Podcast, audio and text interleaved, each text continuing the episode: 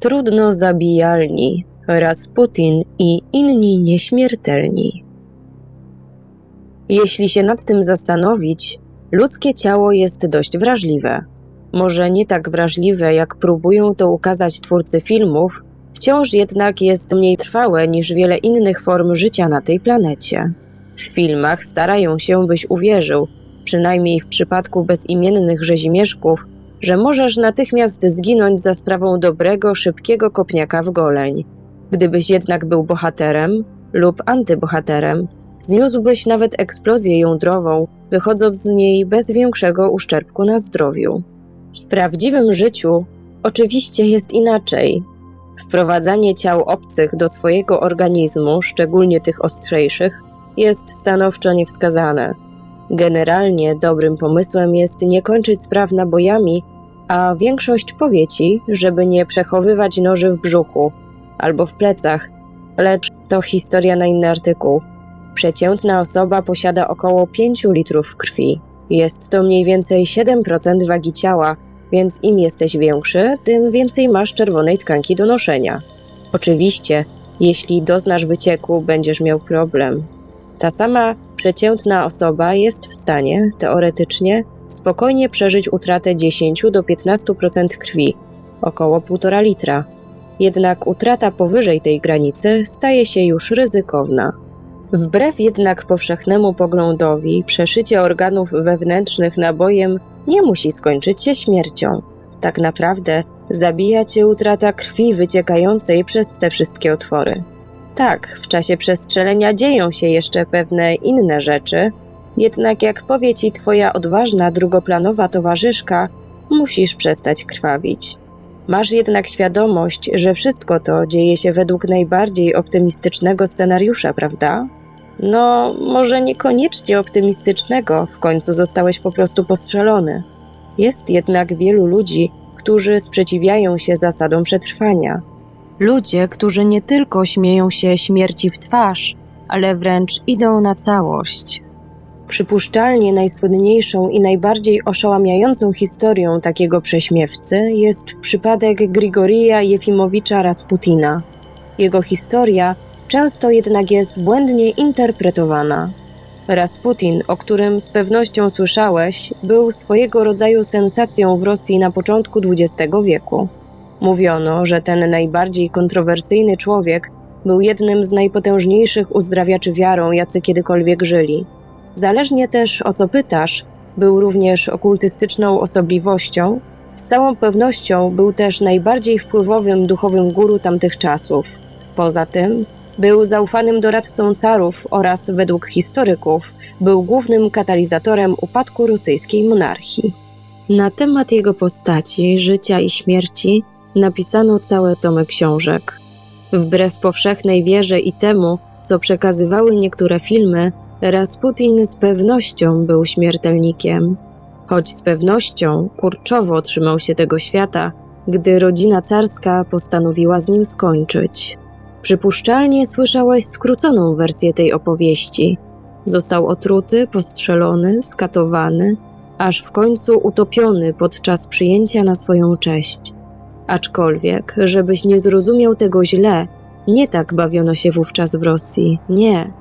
To dobroczyńcy Rasputina, mający już dość jego mieszania się w sprawy polityczne, zdecydowali położyć kres jego wpływowi.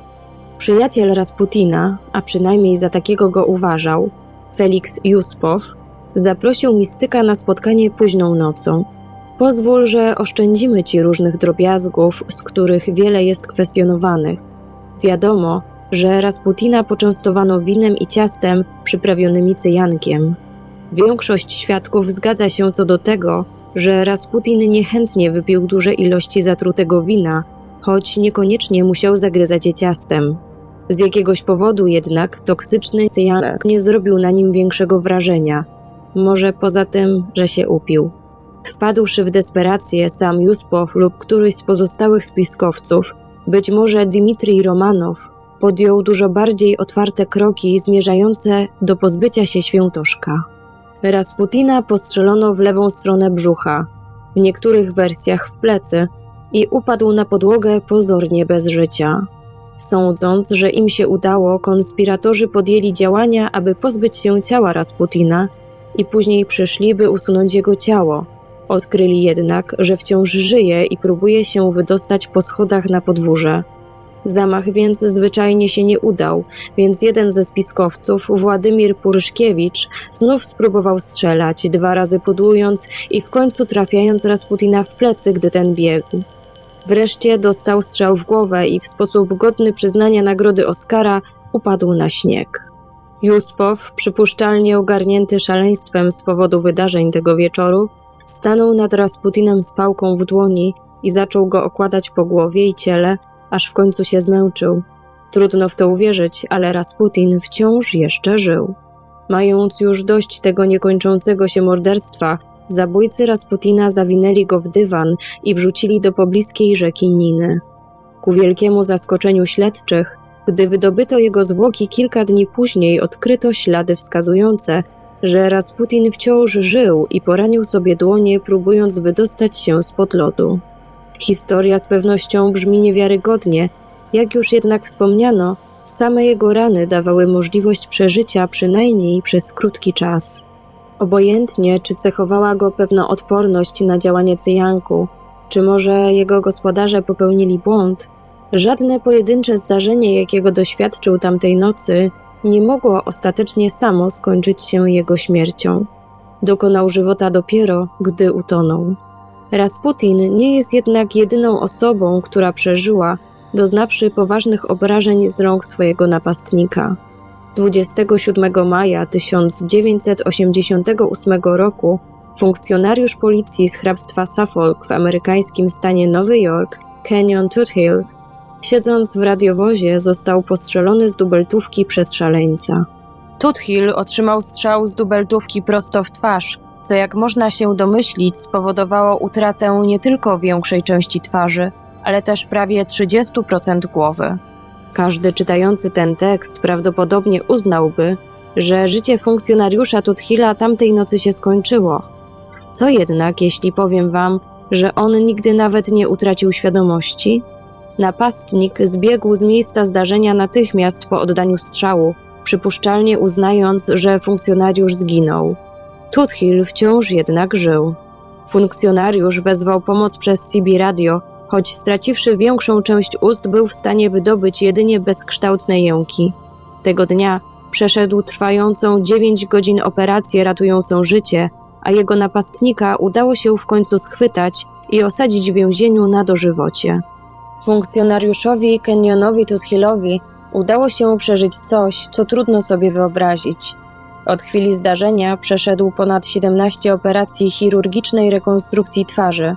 Wystąpił też w programie dokumentalnym Ultimate Survivors Winning Against Incredible Odds z 1991, prowadzonym przez Williama Shatnera.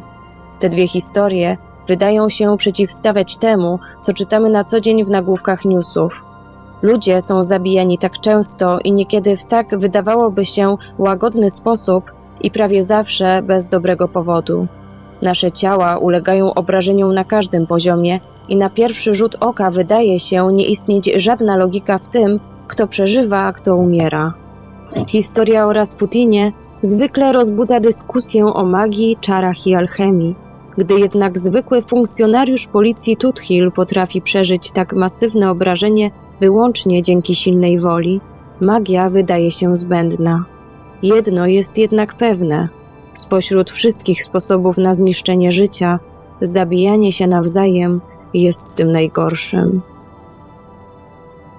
Martin J. Clemens. Tłumaczenie i opracowanie Ivelios. Czytała Persefona.